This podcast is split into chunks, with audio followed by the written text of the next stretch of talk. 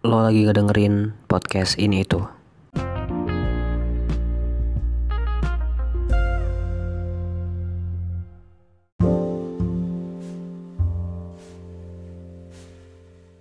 Anjir. Nah, uh, sorry sorry. Ntar ya gue lagi mau apa ya ngebenerin ini nih clip on. Nah, um, tapi sebelum itu gue bakal membahas soal satu komentar netizen. Anjing netizen emang sangat ini ya. Kalau kata orang-orang tuh maha benar ya. Nggak maha benar sih sebenarnya. Cuman kadang-kadang beberapa netizen itu ngomongnya nggak dipikir dulu gitu. Bukan maha benar. Mereka cuma ngotot aja. Kayak gini nih, gue gue sering bikin podcast gitu ya. Ini bukan bukan buku gue doang tapi banyak content creator yang ingin bebas gitu. Gue tuh orangnya pengen bebas. Gue tuh sebenarnya walaupun gue kuliahnya politik ya gue tuh orangnya bebas. Gue tuh orangnya apa ya gue tuh sangat suka seni dan dan sastra. Dan gue gue butuh kebebasan gitu untuk bisa berekspresi gitu.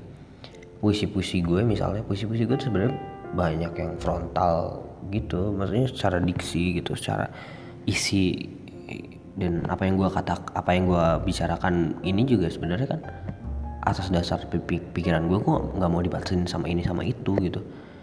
Uh, tapi ada orang yang sangat moralis ya tiba-tiba meng mengomentari satu podcast gue dan gue gue sangat apresiasi komentarnya dia karena baik ya untuk kesehatan podcast ini supaya tetap didengarkan. Tapi ya kadang-kadang gue kesel. Ini soalnya gue banyak menerima ini bukan tapi ini baru sekali sih podcast podcast ini itu di di komentar ya. Uh, seperti itu maksudnya di komentar seperti itu. Yang menurut gue sangat tidak konteks tidak tidak konteks kontekstual. Nah um, soal apa? Soal katanya kok gue ngomong kasar? Sering di podcast ini um, gue cuma bisa ngejawab bodoh amat lah lo ngomong apa gitu. Maksudnya lo kalau nggak terima ya udah. Dan toh kita tuh nggak bisa nyenengin semua orang. Dan eh gue pengen bebas ya. Gue pengen nyenengin diri gue minimal. Gue pengen bikin ini ya udah gue bikin aja gitu. Lagian gue tidak memaksudkan ke, ke seseorang atau ke sekelompok orang mengumpat atau gimana. Gue cuma berekspresi bukan umpatan gitu jadi santai aja lu jangan baperan lah gue nggak maksud ke lu juga gitu. Kalau lu alasannya supaya ruang publik tetap terjaga dan kondusif ya oke okay lah bisa gue terima. Tapi fungsi filterisasi itu apa? Filterisasi filterisasi konten fungsi parenting tuh apa? Gue pengen bertanya aja sama lu. Dan udah gue nggak mau lanjut lagi ngomongin itu. Cukup tahu aja sih. Dan uh, gue tahu. Uh, ngomong kasar itu bukan budaya ketimuran. Tapi lagi-lagi itu ekspresi dan uh, harus memahami inilah. Toh lu juga tidak ingin kan kebebasan berekspresi lu dikekang kan berekspresi kan bisa gimana aja gitu. Dan gue memilih untuk seperti itu. Dan gue dosa apa enggak? Itu bukan urusan lo kalaupun gue dosa itu urusan gue. Lo nggak perlu ikut campur. Lo pikirin diri lo sendiri gitu. Karena lo pun pasti punya ekspresi yang pada akhirnya nggak disukai sama orang. Ekspresi gue nggak disukai sama lo dan lu protes sama gue. Ya nggak apa-apa sah-sah aja. Asal lu nggak berlebihan. Dan lu ini udah berlebihan banget gitu. Uh, dan misalnya lu lu berekspresi dengan hal lain ya selain apa yang gue lakukan terus gue protes sama lu lu bakal nerima apa enggak? Kan sama aja ya kan? Jadi ya udahlah chill aja gitu loh santai. Gue nggak mau berurusan sama orang-orang karena isi konten ini itu. Tapi kalau misalnya isi konten podcast ini uh, emang menyinggung atau lain-lain sih gue minta maaf ya tapi kalau misalnya urusannya soal ngomong kasar dan tidak ngomong kasar uh, sorry itu saya gue bodo amat. Soalnya bukan itu yang pengen gue omongin. Yang pengen gue sampaikan di podcast ini adalah isinya gitu maknanya dan kegunaannya buat kehidupan sehari-hari. Sorry banget gue lagi makan anjing. Sambil mengunyah jadi sorry banget ya. Nah uh, apa lagi ya? Ya udah itu intinya. Uh, buat kalian yang hobi menasihati orang pikir-pikir lagi matang-matang nasihat kalian itu uh, bakal menyinggung apa enggak? Maksud gue menyinggung itu menyakiti hati ya. Lo pikir dulu deh gitu. Atau itu nasihat lo tuh bermanfaat apa enggak atau cuman pengen mendistract doang mendistraksi doang? Apa cuman pengen nge-trigger doang atau gimana gitu? Gue pengen tahu aja. Dan lagi-lagi menasehati itu bagus loh saling menasehati dalam kebaikan. Tapi ingat ingat ya harus kontekstual. Jangan ngawur gitu loh. Maksud gue ya ya bagus lah. Gue apresiasi lah lo lo mengomentari gue. Tapi sekali lagi uh, gue nggak bisa ngikutin apa kata-kata lu gitu karena uh, menurut gue lo berlebihan sih mengomentari kata kasar itu gitu. Uh, kan itu bentuk ekspresi dan seolah-olah tuh manusia tuh nggak boleh berekspresi kalau dari kalimat-kalimat yang lu utarakan gitu ke DM gue. Uh, itulah. Ya udahlah gue makasih sama lu gitu udah mengingatkan tapi sorry tuh saya ya, ya gue nggak bisa dikekang gitu. Gue gue tuh orangnya nggak bisa diatur emang. Bodo amat lah. Uh, anyway gue nggak mau berlarut-larut dan emosi gitu ya. Jadi gue bakal ngebahas soal mantan. Sebenarnya gue tuh agak gimana gimana gitu ya kalau ngebahas soal asmara asmaraan gitu. Tapi ini bukan part 4 ini khusus aja gue ngomongin soal mantan. Uh, soal dewasa dan tidak dewasa gitu ya dalam menghadapi uh, perpisahan. Pertemuan itu adalah satu hal yang pasti berakhir dengan perpisahan. Jadi uh, jangan kaget sebenarnya. Kan gue udah bilang kenapa gue nggak percaya dengan konsep pacaran? Karena gue tidak gue tidak bisa memastikan keabadian gitu pacaran itu pasti putus dan gue tidak mau. Ya nggak apa-apa lah gue gue nggak pacaran gue dianggap jomblo segala macam lo bikin jokes tentang gue lo bikin meme tentang gue itu terserah. Tapi gue tidak mau hidup gue terganggu. Karena gini ya sebelum gue masuk ke mantan ya pacaran itu kadang-kadang yang gue yang gue bilang tuh toxic relationship itu selalu berpotensi ke sana loh. Uh, tapi lo yang udah pacaran lanjutin aja. Gue nggak minta lo putus. Cuma lo hati-hati aja sama pacar lo ya. Jangan sampai ke arah toxic relationship yang seperti gue bahas di part pertama ngomongin hidup hubungan asmara. Uh, toxic relationship gitu. Jadi kadang-kadang hidup lo terkekang. Kalau misal lo emang pengen jadi PNS gitu ya atau lo kerja di kantoran budak korporat gitu lu gue sarankan lu harus pacaran dengan orang yang uh, posesif gitu. Nggak apa-apa. Jadi toxic relationship lu akan menjadi uh, apa ya akan menjadi akan membantu terhadap pekerjaan lu. Kenapa membantu? Atau terhadap cita-cita lu gitu ya. Kenapa bisa membantu pekerjaan lu atau cita-cita lu?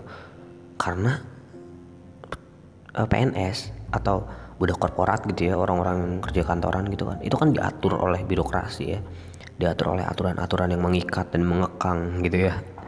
Uh, itu gue sarankan lu pacaran dengan orang-orang yang toksik maksudnya toksik tuh ya itu kayak kayak posesif cemburuan berlebihan dan segala macam rempong. Karena lu bakal terlatih gitu ya. Lu bakal jadi pegawai negeri sipil yang yang disiplin gitu loh.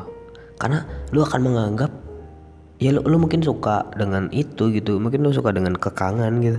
Makanya lu pacaran dengan orang-orang kayak gitu dan lu betah anjing. Gue sih kagak. Ya karena gue bebas orangnya. Gue gue tuh pengen bebas gitu. Gue nggak bisa diatur. Makanya gue nggak cocok sama orang-orang kayak gitu gitu. Sama orang-orang yang berpacaran dan ujung-ujungnya toxic relationship. Tapi buat orang-orang yang pengen jadi PNS mungkin toxic relationship itu sangat membantu cita-cita lu gitu dan pertahankan hubungan itu. Mewek-mewek lo tiap hari. Makanya jadi gue nggak mau aja gitu. Uh, dan uh, lanjut ya ke mantan gitu. Uh, pacaran pasti putus dan setelah putus akan ada istilah mantan. Mantan?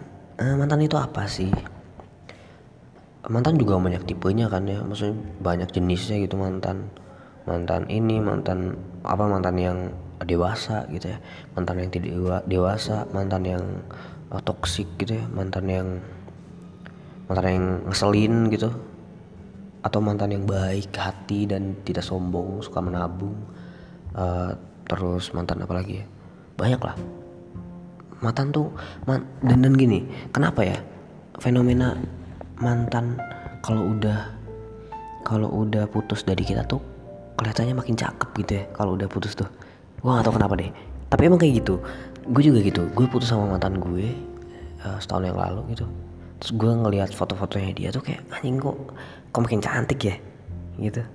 Ah ya walaupun walaupun gue ya belum uh, bukan gue belum move on ya tapi gue tuh kayak kayak apa ya hati kecil gue kayak tergugah gitu setelah melihat fotonya. Anjing kok kenapa gue putus sama dia ya gitu. Tapi setelah mungkin kalau gue balikan lagi pun gue akan merasa biasa aja makanya itu cuma tipuan gitu. Jadi fenomena mantan akan lebih cakep ketika lu putuskan atau ketika putus sama lu itu cuma mitos buat gue. Itu cuma tipuan gitu. Itu cuma tipuan belaka dari alam bawah sadar lu gitu. Itu cuma tipuan dan lu jangan percaya. Mantan akan tetap jadi mantan dan gue adalah orang yang gengsian makanya gue agak sulit untuk balikan gitu. Dan mantan itu akan menjadi orang yang sangat uh, baik kepada lu atau juga ngeselin. Yang mantan yang baik tuh kayak gimana sih? Mantan yang baik tuh yang dewasa yang setelah putus ya walaupun putusnya nggak baik-baik aja gitu putusnya tuh kayak gimana dia tuh akan apa ya akan pintar gitu memaintain perasaannya gitu. Sehingga ketika dia putus dia sakit hati pasti atau atau kesel atau marah atau gimana segala macam tapi setelah itu dia kembali menyadari bahwa ya wajar gitu. Manusia mah bisa berubah kok gitu nggak akan selamanya jahat dan nggak selamanya ngeselin. Makanya dia akan berpikir positif terus gitu. Dan oh ya udah gitu. Mantan ya udah jadi mantan. Tapi tetap temenan gitu. Itu menurut gue mantan yang baik dan sangat dewasa gitu. Tapi berbicara soal kedewasaan uh, dewasa itu kan banyak ukurannya. Tapi menurut gue itu sih yang dewasa tuh kayak gitu tuh. Lu ketika putus walaupun tidak baik-baik saja lu akan tetap bisa menerima rela dan ya udah gitu. Jadi temen bukan jadi musuh karena menurut gue yang tidak dewasa itu yang kayak gitu yang malah menjadikan uh, apa ya mantan lu tuh musuh gitu. Itu menurut gue tidak baik ya. Emangnya uh, lu siapa gitu? Ngapain ngejadiin dia musuh gitu? Maksud gue dia juga mungkin gak peduli sama lu. Walaupun setelah lu jadiin musuh gitu ya. Uh, tapi by the way uh, itu itu juga gue juga masih bingung sih uh, kan itu juga wajar gitu. Kalau misalnya lu selingkuh gitu ya terus uh, lu diputuskan dan dia udah jadi mantan lu terus dia memusuhi lu itu sangat wajar. Jadi menurut gue memusuhi ini tidak serta merta masuk ke dalam kategori yang tidak dewasa tapi wajar gitu kadang-kadang. Tapi ada yang putusnya biasa aja tapi kok jadiin musuh gitu. Seolah-olah lu tuh lu tuh lu tuh ini apa lu tuh Thanos gitu lu tuh Thanos dan dia adalah Avengers gitu. Kan goblok ya. Maksud gue ya udah biasa aja sih jangan berlebihan. Itu berlebihan banget. Kalau sampai kayak gitu tuh uh, dan dan gimana mantan yang uh, jahat itu yang ngeselin? Mantan yang ngeselin adalah mantan yang toksik gitu. Lo pernah nggak sih uh, ketika lo putus gitu terus mantan lo tuh nggak nggak ngeblok lu gitu ya? Nggak nggak unfollow lu di media sosial dan dia dia tetap baik-baik aja sama lu gitu. Maksudnya baik-baik aja tuh dalam arti nggak memusuhin lu tapi dia suka manas-manasin lu. Anjing itu ngeselin banget. Anjing itu ngeselin banget bangsat. Kalau misalnya lu ya lu putus terus dia tiba-tiba sehari kemudian atau beberapa hari kemudian dia sebenarnya kesel sama lu tapi dia berpura-pura untuk tetap tegar dan terlihat dewasa gitu. Tapi dia menggandeng cowok lain gitu di depan lu atau di sosial media gitu. Yang bangsat adalah sampai ngetek lu. Itu bangsat banget. Dan lu pasti panas gitu. Walaupun lu sebenarnya yang mutusin dia tapi kadang-kadang lu mikir anjing nih orang gitu. Baru putus sama gue udah dapat aja gitu. Sedangkan gue masih jomblo. Tuh kan ngeselin. Tuh mantan yang ngeselin banget tuh mantan tuh. Padahal dia mungkin juga pura-pura dia cuma nyewa abang-abang penjual somai buat digandeng jadi pacarnya pantesan. Waktu itu gue pernah itu soalnya mantan gue kok kok udah sama cowok lain? gitu ya. Terus gue bilang e, kok cowoknya buluk banget gitu jangan-jangan itu uh, ini lagi apa penjual cilor lagi emang emang penjual cilor dia bayar goceng gitu dia bayar berapa cepet untuk jadi uh, pacar bohongannya dia anjing. Nah, eh tapi ini gue bukan merendahkan abang-abang penjual somai atau cilor ya. Enggak ini perumpamaan aja gitu loh. Kan orang banyak yang sering tersinggung gitu. Nanti gue dianggap penistaan uh, pedagang kaki lima lagi. Enggak ya. Gue suka dengan gue cinta dengan abang-abang cilor dan somai. Gue suka banget tuh dua makanan itu. Uh, anyway kok jadi ngomongin pedagang kaki lima? Ngomongin ngeblok dan tidak ngeblok setelah putus adalah hal yang sangat menarik karena uh, eh gue diblok loh. Gue diblok sama mantan gue sampai sekarang. Uh, tapi awalnya gue gue mikir anjir nih orang kok ngeblok gue gitu. Gue salah apa? Terus gue pikir-pikir oh iya ya ya wajar aja karena udah putus. Tapi tapi kok sampai diblok ah dia nggak dewasa nih. Nah highlight ya. Ngeblok tidak sama dengan tidak dewasa. Jadi ngeblok juga bisa jadi dewasa atau pewajaran gitu Kenapa? Karena ngeblok itu ada alasannya cuy. Ya kalau misalnya ngebloknya gara-gara putus doang mah, ya itu nggak dewasa. Tapi bukan berarti ngeblok itu semua orang yang ngeblok mantannya itu dewasa, nggak dewasa, bukan gitu. Gue diblok sama mantan gue mungkin karena waktu setelah putus gue toksik gitu. Gue toksik orangnya. Ah, jadi abis putus tuh gue kan gue kan nggak terima ya eh, putus gitu waktu itu dan ya gue gue merasa gue harus balikan gitu. Gue ngechat dia terus gitu segala macem. Uh, terus gue dia nggak balas-balas kan. Terus dia kadang balas tapi sinis gitu. Dia bilang udah putus segala macem. Jangan deketin gue lagi segala macem. Terus lama-lama apalagi gue sampai toksik gue tuh udah udah berlebihan banget waktu itu. Gue tuh toksiknya sampai gila-gilaan gitu. Sampai gitu uh, rela melakukan apa pun gue bilang eh gue gue rela melakukan gue tuh bodoh banget gue blok banget gue waktu itu ngajak balikan harusnya enggak gitu ngapain gue ngajak balikan? Nah setelah itu setelah gue diblok gue jadi orang yang gengsian nanti kalau gue pasaran lagi gue nggak bakal tuh uh, apa namanya uh, kalau putus nggak bakal ngajak balikan lagi anjing gue jadi orang gengsian tapi waktu itu gue emang nggak tahu malu gitu gue toksik banget gue gue sampai uh, ya toksiknya berlebihan gitu ya gue sampai uh, bikin second account jujur nih ini gue jujur ya ini hal yang mempermalu yang memalukan sekali tapi gue harus jujur. Dan lo jangan kayak gue.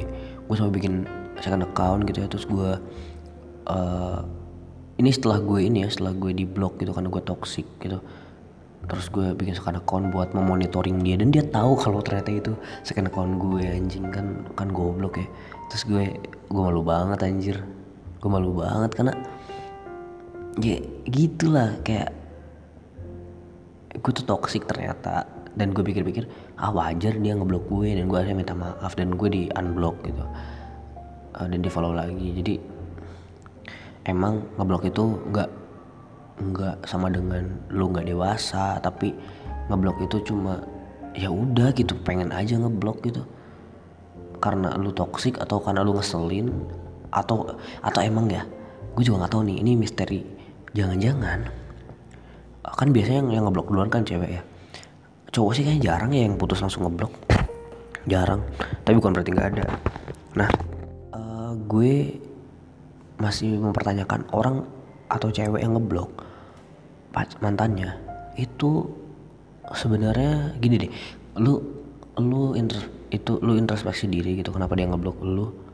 Padahal misalnya lu nggak toksik terus lu gak ngeselin terus lu lu udah rela menerima segala macam tapi lu tetap di blok artinya mungkin ya mungkin. Ini gue masih jadi misteri soal masih tanda tanya besar gitu. Jangan-jangan si cewek susah ngelupain lu susah move on makanya dia ngeblok lu. Itu anjing jangan-jangan. Jadi lu jangan langsung prasangka buruk gitu. Dia masih mencintai lu berarti. Makanya dia tidak ngeblok lu. Nah itu. Jadi menurut gue jangan langsung ambil kesimpulan yang uh, buruk gitu. Ya udah lu berdoa aja gitu. Semoga dia masih suka sama lu anjing mengharap mengharap sesuatu yang tidak pasti gitu. Nah, tapi ya udah namanya juga mantan ya. Uh, mantan ya tetap jadi mantan. Dan menurut gue uh, mantan itu adalah uh, pelajaran berharga dalam hubungan asmara gitu. Jadi ketika lu udah putus sama seseorang jadikanlah pelajaran karena jangan sampai ketika lu pacaran lagi nanti lu melakukan kesalahan yang sama. Sehingga lu diputusin lagi dan lu mewek lagi dan lu jomblo lagi lu susah lagi nyari cewek lu bakal ya susah gitu. Apalagi lu yang mukanya ya pas-pasan gitu ya yang apalagi nggak enak dilihat atau lu bego atau lu gimana itu kan susah nyari cewek kan. Dan ya jadi ketika lu punya pacar pertahankanlah dia sampai menikah gitu ya. Atau lu yang pakai pelet misalnya pertahankan pelet lu deh. Lu jangan sampai jengeselin atau bikin perkara besar gitu ke dia karena lu bakal mengalami nestapa yang sangat panjang kalau lu putus karena cuma dia yang mau sama lu gitu. Jadi bagi kalian yang merasa kalian pas-pasan dan kalian akan sulit mencari pacar pertahankanlah dia. Udahlah bucin-bucin aja lalu lah.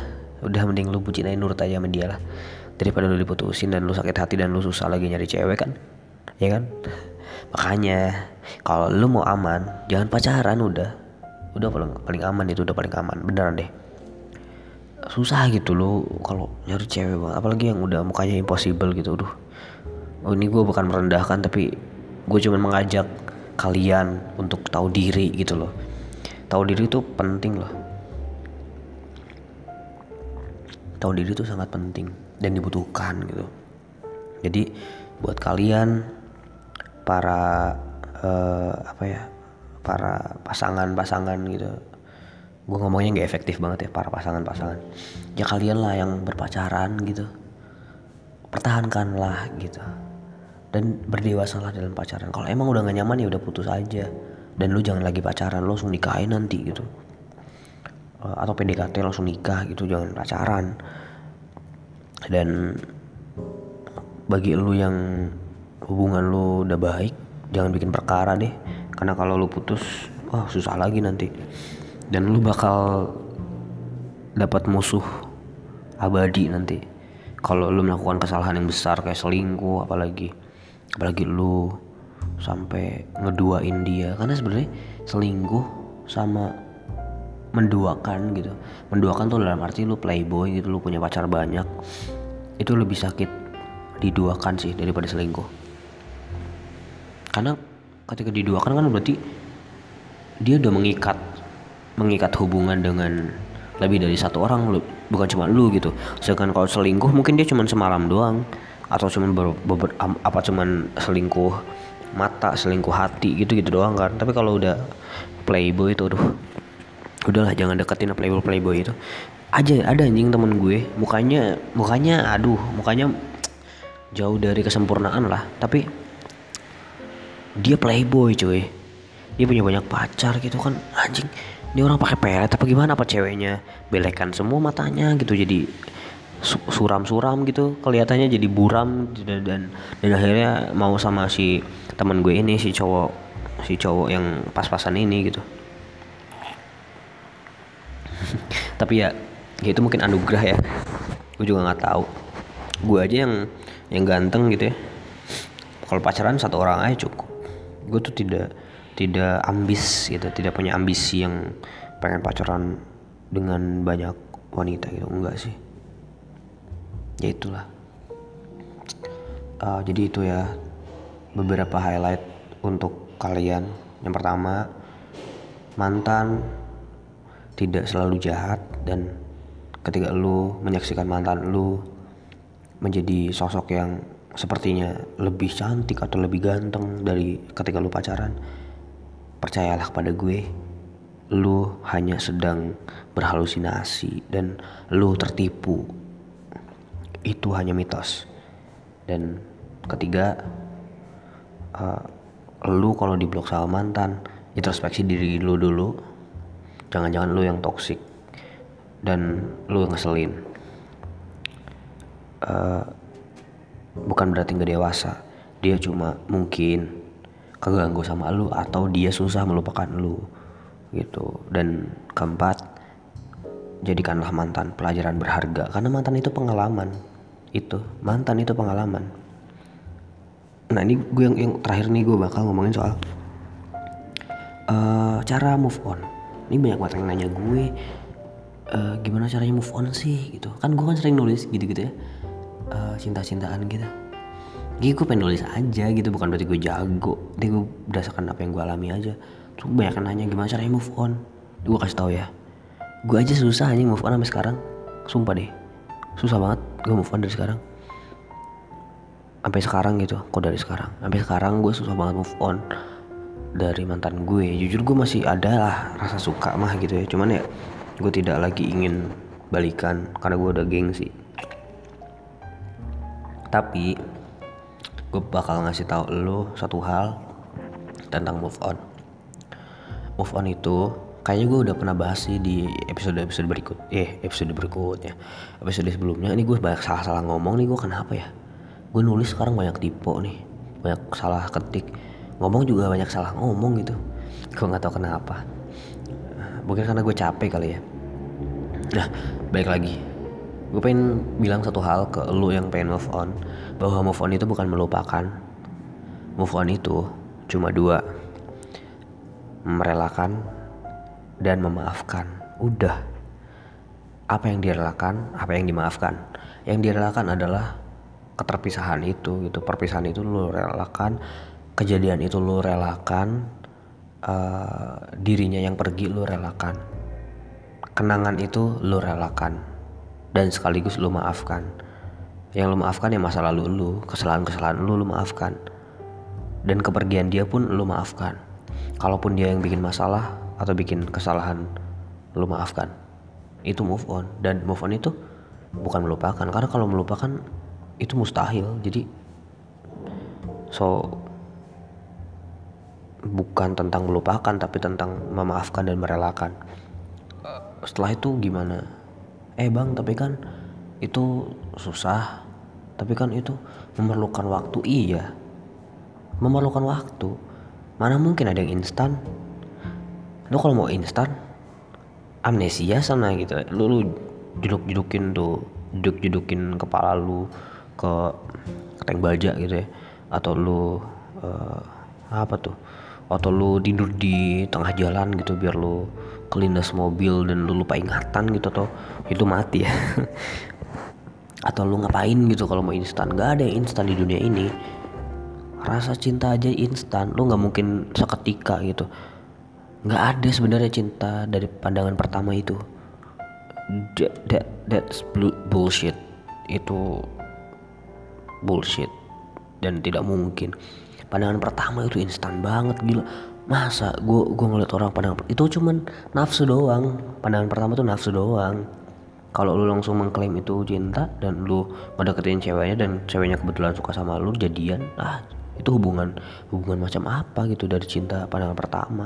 Bukan cinta itu namanya.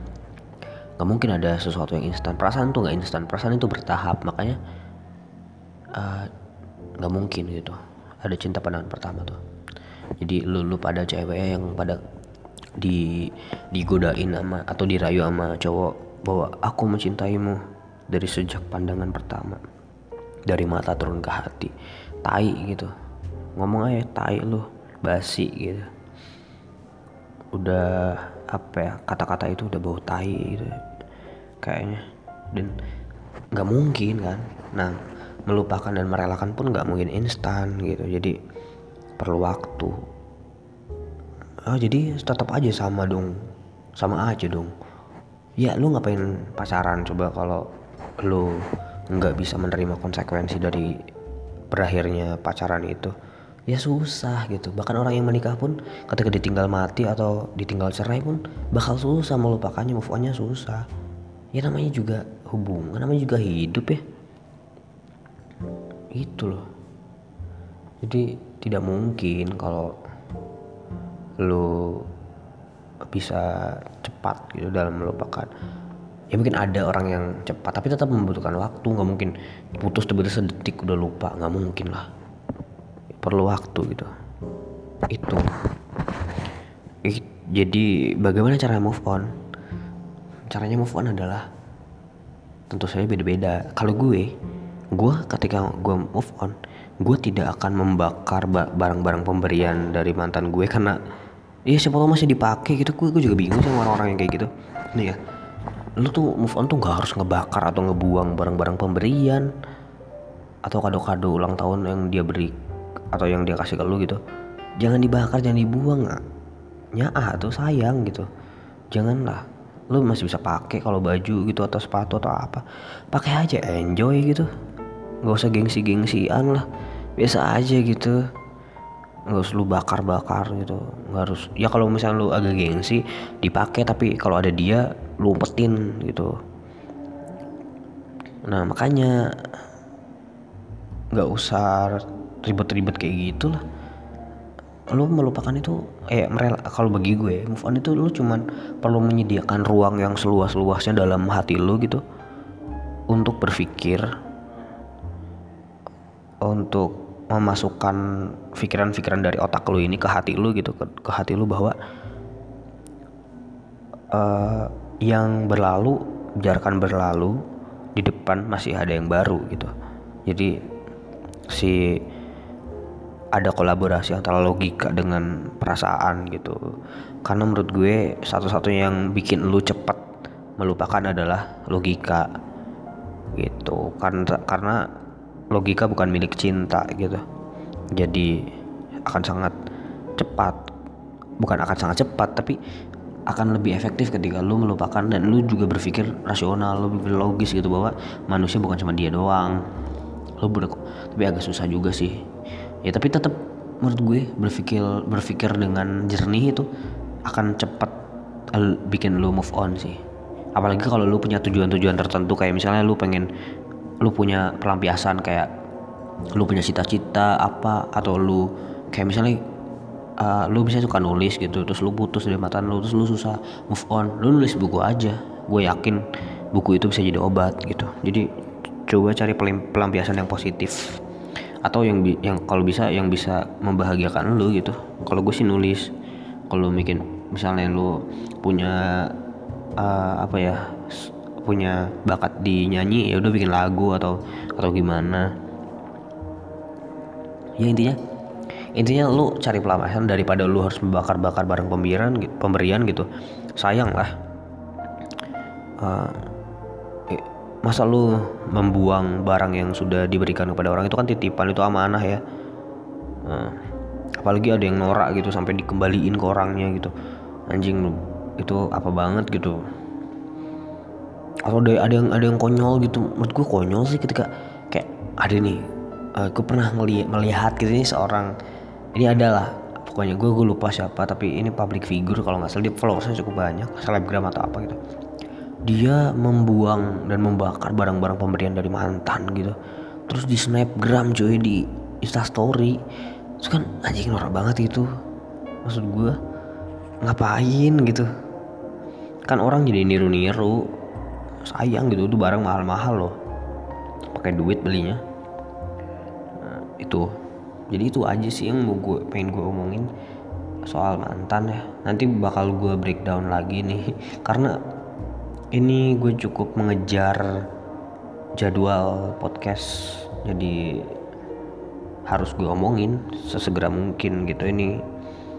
Uh, karena gue jadwalnya mulai padat-padat lagi mau ujian jadi tidak mungkin gue menunda-nunda lagi rekaman ini gitu ya dan lu kalau punya pengalaman soal mantan tentang pacaran lu bisa kirim ke email podcast ini itu ya. Gue mau lanjutin makan. Dan semoga bermanfaat buat lo. Dadah.